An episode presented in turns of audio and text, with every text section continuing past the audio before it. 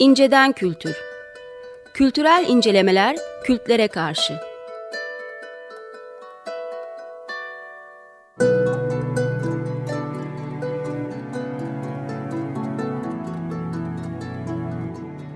Hazırlayıp sunanlar Mesut Varlık ve Gökhan Aslan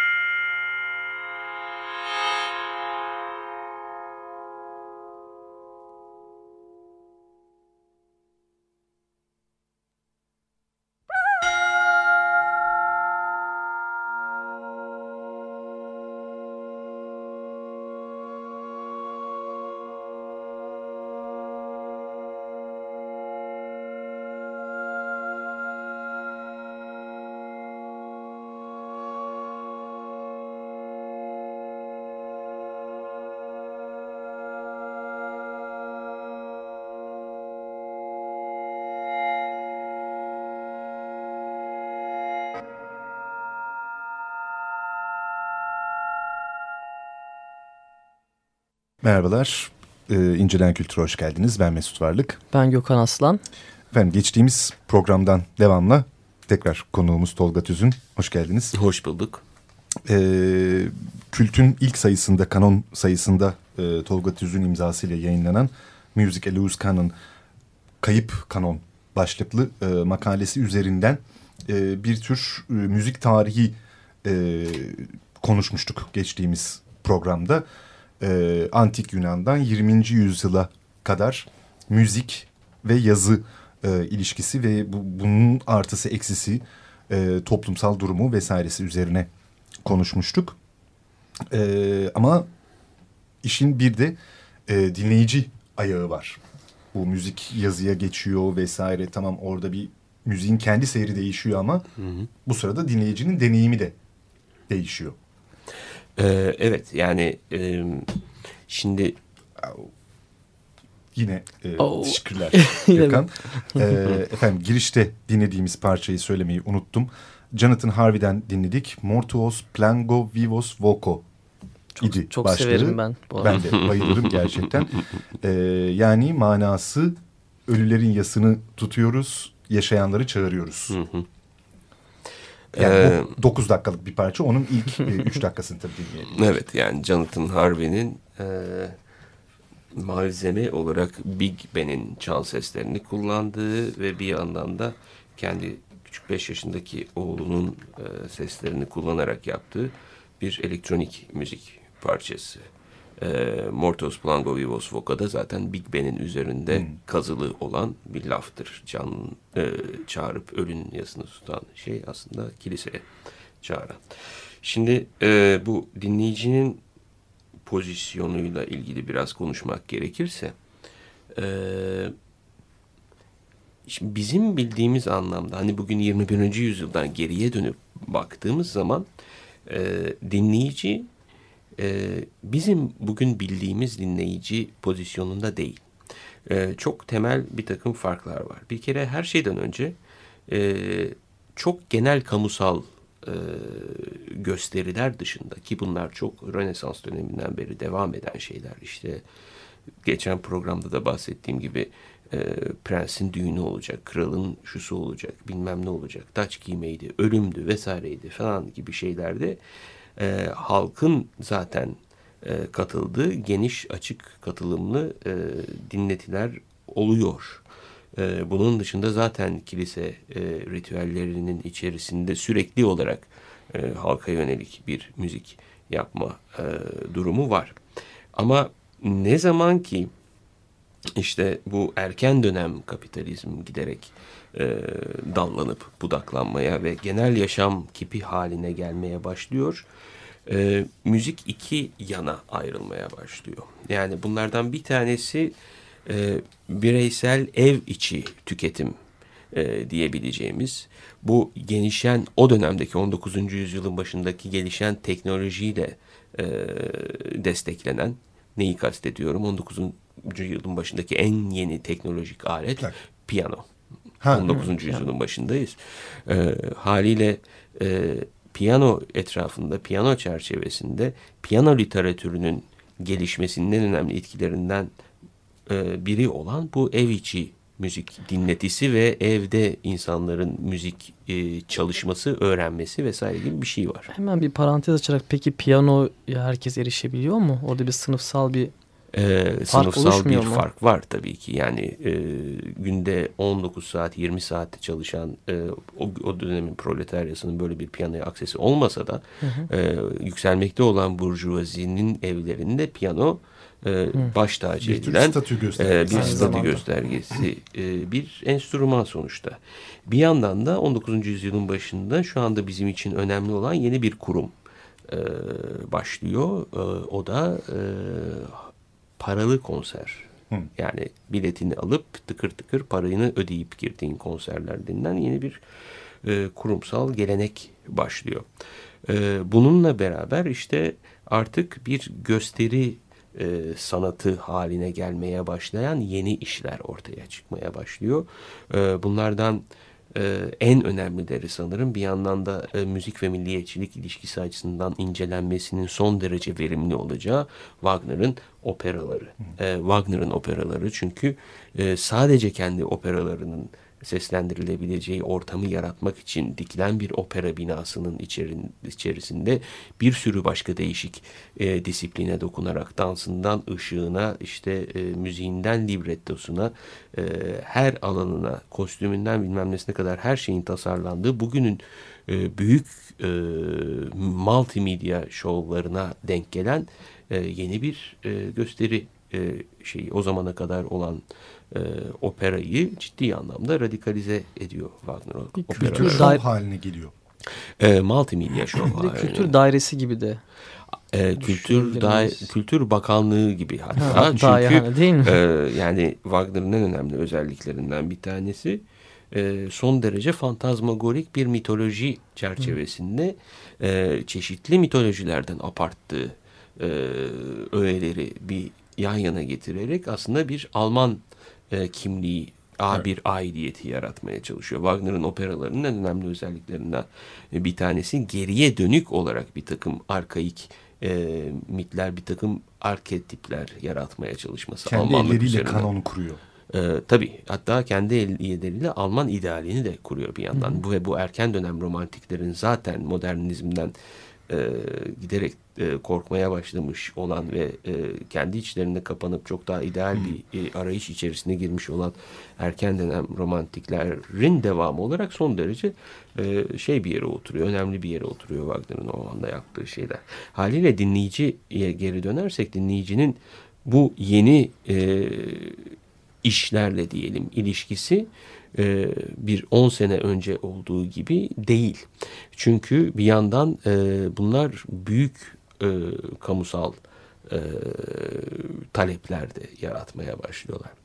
E, bu kamusal talepleri yaratırken de işte e, daha önceden sadece aristokrasiye hitap eden e, bir konser geleneği giderek e, daha geniş bir kitleye hitap eder hale gelmeye başlıyor. Ama oradaki paradoks daha geniş kitleye hitap eder, gelmeye başladı, başlayan müziğin kendi içeriği giderek daha kompleksleşmeye de başlıyor bir yandan. Wagner'ın armonik ve melodik ve hatta dokusal bir sürü öğesi aslında müziği e, Beethoven'un döneminden veya işte daha öncesinde Mozart'ın döneminden çok daha e, kompleks hale getirmeye başlıyor.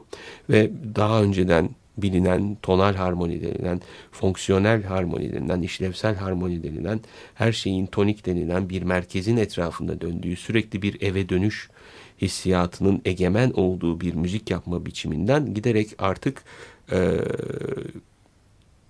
daha geçici evlerde dolaşan bir müzik haline gelmeye başlıyor. Bunun e, hani herkes Wagner'ın müziğiyle aşina olmayabilir ama Lars von Trier'in Melankolya filmini seyrettiyseniz Tristan ve Isolde'un açılış prelüdü orada sürekli Ha. olarak döner, döner, döner, döner ve insanların beynine çakılır. Orada bir e, merkez hissiyatı yoktur. Bir aidiyetsizlik vardır hatta adeta ki filmin zaten genel temasıyla da e, örtüşen bir şeydir. E, buradan yola çıkarak baktığınızda e, müzik giderek daha çok dinleyiciyi hedeflemeye de başlıyor bir yandan. E, Wagner bunu e, işte o romantik sanatçı idealine uygun bir şekilde yapıyor. Artık işte tanrı besteci denilen şeyler var. Bu tanrı besteci miti zaten Beethoven başlamıştı. Beethoven'ın kendisini yarattığı bir şey değil ama Beethoven'ın etrafında müzik eleştirmenlerinin, müzik yazarlarının ve diğer başka alanlardaki yazarların ona atfettiği bir şeyken bu giderek romantik dönemin döneme damgasını vurmuş bir ideal sanatçı. Dokunulmazlık manasına da gelir herhalde o zaman. Hem dokunulmazlık, mükemmel- mükemmellik. Hem de e, giderek e, bir çeşit maneviyatını kaybetmişmeye başladığını fark etmiş olan e, bir toplumsal sistemin kendine yeni bir maneviyat arayışı içerisine girmesi ve bunu bir en önemli, en belki de e, yetkin aday olarak da sanatı e, belirlemiş olmasından da kaynaklanıyor.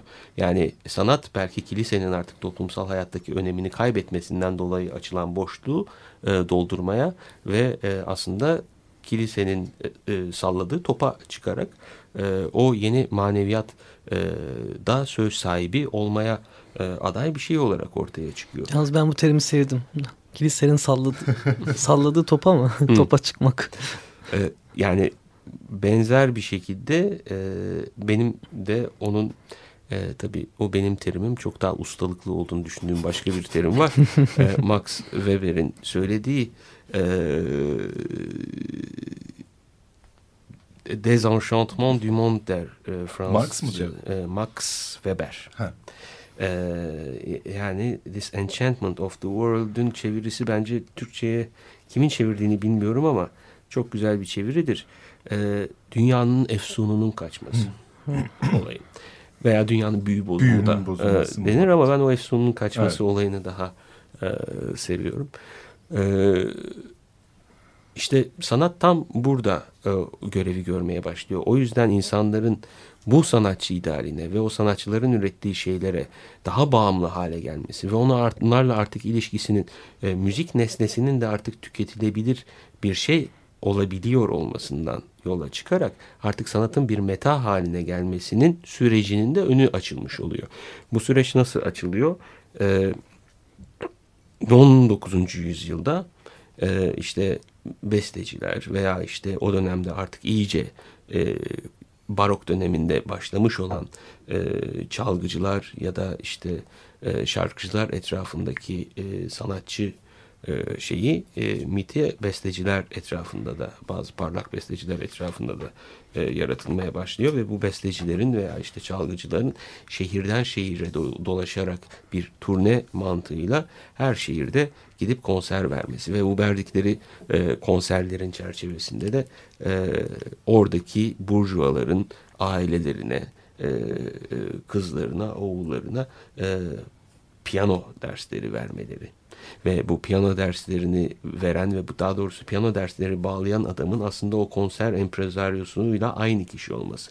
Ve hatta o konser empresaryosunun o e, kızların olanların piyanolarını satan adamla da aynı olması. ve hatta e, o adamın aynı zamanda o şehirdeki nota basımı ve dağıtımı denilen şeyi de yönetiyor olması gibi örtüşen e, bir çizgi var. Hmm, havuz med şeyi gibi oldu. Ee, Şu andaki hani havuz sistemi gibi gerçekten hani belli bir piyasayı yöneten belli 2-3 oyuncu belki de dar bölgede. Aynen ve hatta Sadece internasyonel değil Çok herhalde. enteresandır bu bizim hala günümüzde yani bizim bu müzik endüstrisi dediğimiz şeyin çekirdeğini anlatıyorum tabii biraz karikatür bir şekilde olsa bile. Ama e, gene bakarsanız bu dediğim şey çok da e, gerçekte olan şeyden uzak değil.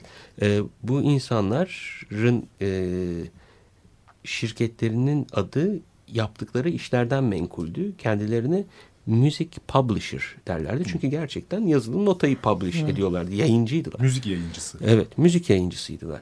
Ee, peki bugün Universal gibi ya da Sony gibi şirketlerin e, ticari lakabı ne? Music Publishing hala. Evet. Ee, yani endüstrinin aslında üç aşağı beş yukarı temel ilişkilerinin kurgulandığı yer 19.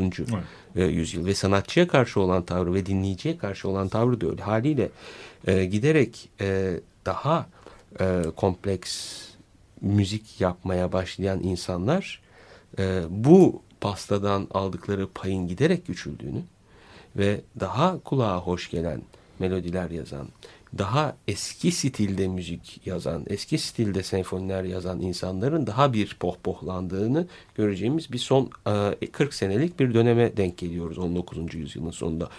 Oradan 20. yüzyıla ne kalıyor? Giderek gelişmekte olan bir hafif müzik yani kafelerde, barlarda söylenen müziğin giderek daha kurumsallaşması ve onun kendi içerisinde bir endüstrisinin dönmeye başlaması ki biz bugünkü copyright yasalarını aslında o müziklere e, borçluyuz. E, klasik müzik bestecilerinin haklarına değil aslında o kafe şarkılarını yazan insanların haklarını koruma altına almak üzere geçirilmiş yasalara, yasalara borçluyuz. Bugünkü copyright e, kanunlarını. E, ve e, buradan yola çıkarak da işte giderek e, yeni bir e, teknolojik elemanın da e- e- eklenmesiyle artık giderek o dinleyiciye yönelik müzik yapan bir müzik endüstrisi ve dinleyicinin taleplerini e, bir şekilde üretmeye çalışan o müzik endüstrisine bağımlı olarak çalışan sanatçı denen bir üçlü e, ilişkiler ağı kurulmaya başlıyor ki bugünkü müzik endüstrisi denilen şeyin de aslında üç temel oyuncusu daha doğrusu öğesi diyelim böyle bir şey. Burada bestecinin e, bir şekilde kendi hayatını idame ettirmesinin modeli diyeyim e, kiliseyle kurduğu ilişkiden soylularla kurduğu ilişkiden geçti artık o zaman kitleyle ya daha doğrusu kitleye ulaşması için de aradaki o aracılar yani Hı hı. publisher Hı hı. da kurduğu ilişkinin dinamiğine o zaman bağlanmış oluyor.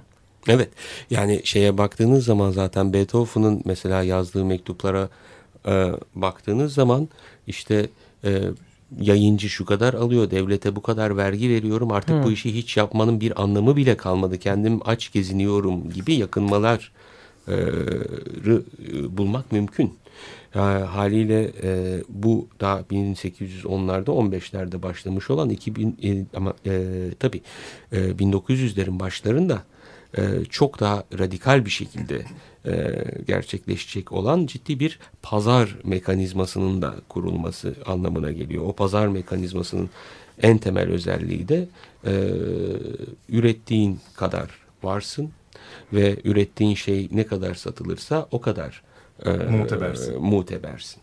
Haliyle e, bunu en çok destekleyen en yeni e, yazı biçimi. Geçen programda yazıdan bahsediyorsak yazmanın şimdi artık e, daha e, e, mekanik audio mekanik biçimi olan gramofon denilen şeyin icadıyla ondan sonra o gramofonun e, savaş endüstrisi 2. Dünya Savaşı'nda manyetik teypin icadına e, sebep olmasıyla oradan yola çıkarak gramofonun e, plağa dönmesi, manyetik teyplerin kasetlere dönmesiyle geçen koca bir e, 50 yılı 70 yılı düşünürseniz 1980'lerin 90'ların başına gelene kadar e, kayıt endüstrisi denilen şeyin müzik endüstrisiyle örtüşmesi ve artık e, konser e, denilen e, asıl müzik tüketim e, aracı olan kurumun giderek önemini kaybetmesi ve biraz önce söylediğim piyanonun işlevini yani ev içi müzik tüketimi denilen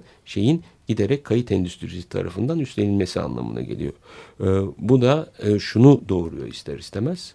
E, yani bir e, yazı denilen şey aslında eskiden bir topografik haritaydı. Evet. Yani topografik harita şu demek. Şu enstrümanın da bu sesi çıkarmak için elini şu mesafeye koyacaksın. Ondan iki tık aşağı yürüdüğün zaman yani iki nota aşağı indiğin zaman elini buraya koyduğun zaman şu çıkacak.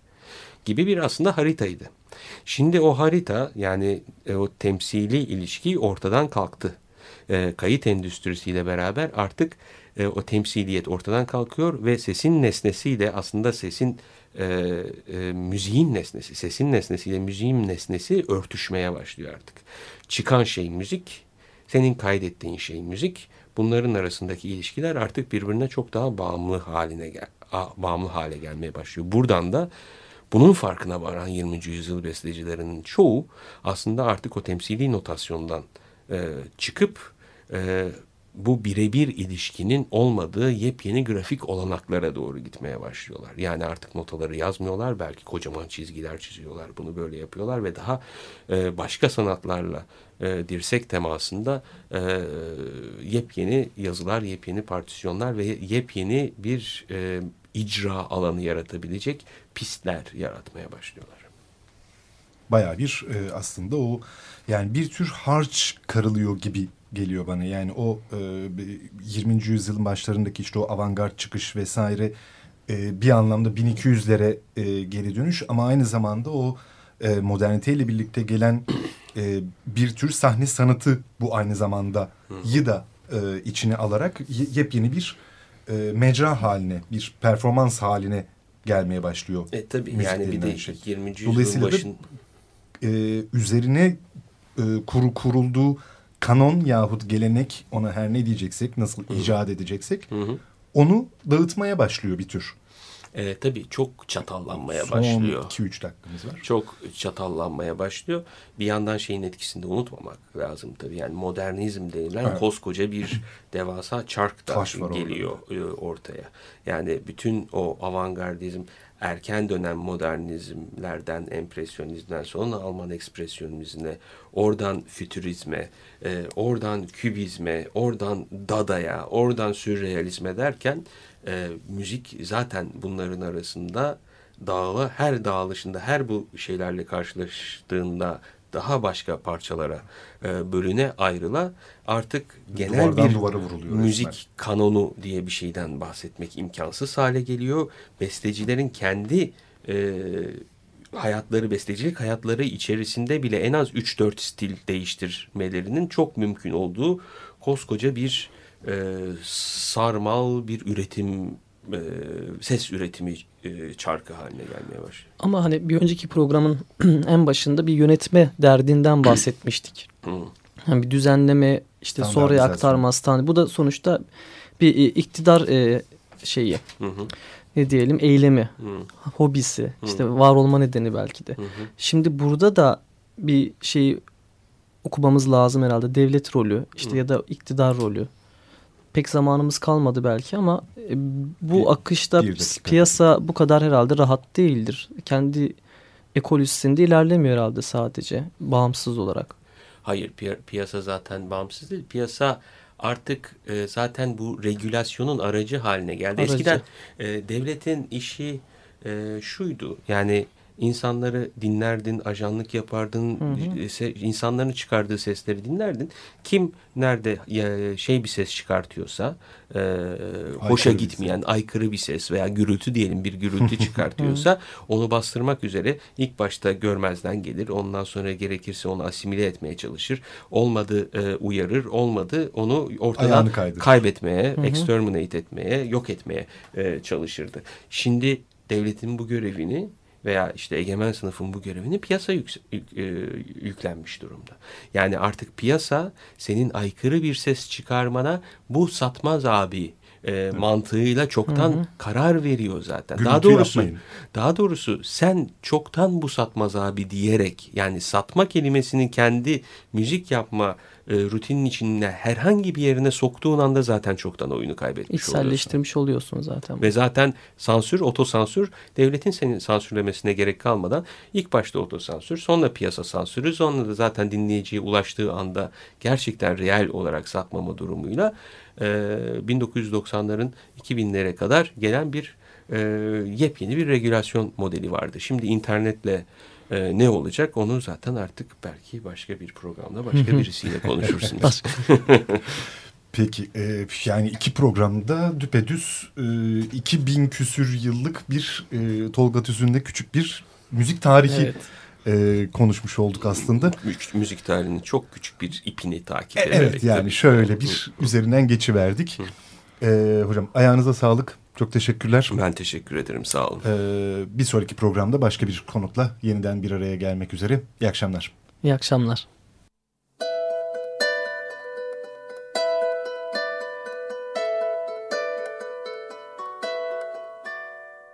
İnceden kültür. Kültürel incelemeler kültlere karşı.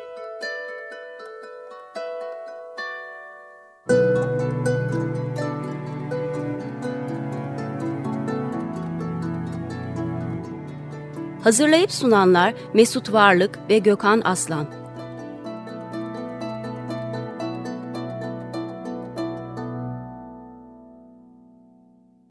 Açık Radyo program destekçisi olun. Bir veya daha fazla programa destek olmak için 212 alan koduyla 343 41 41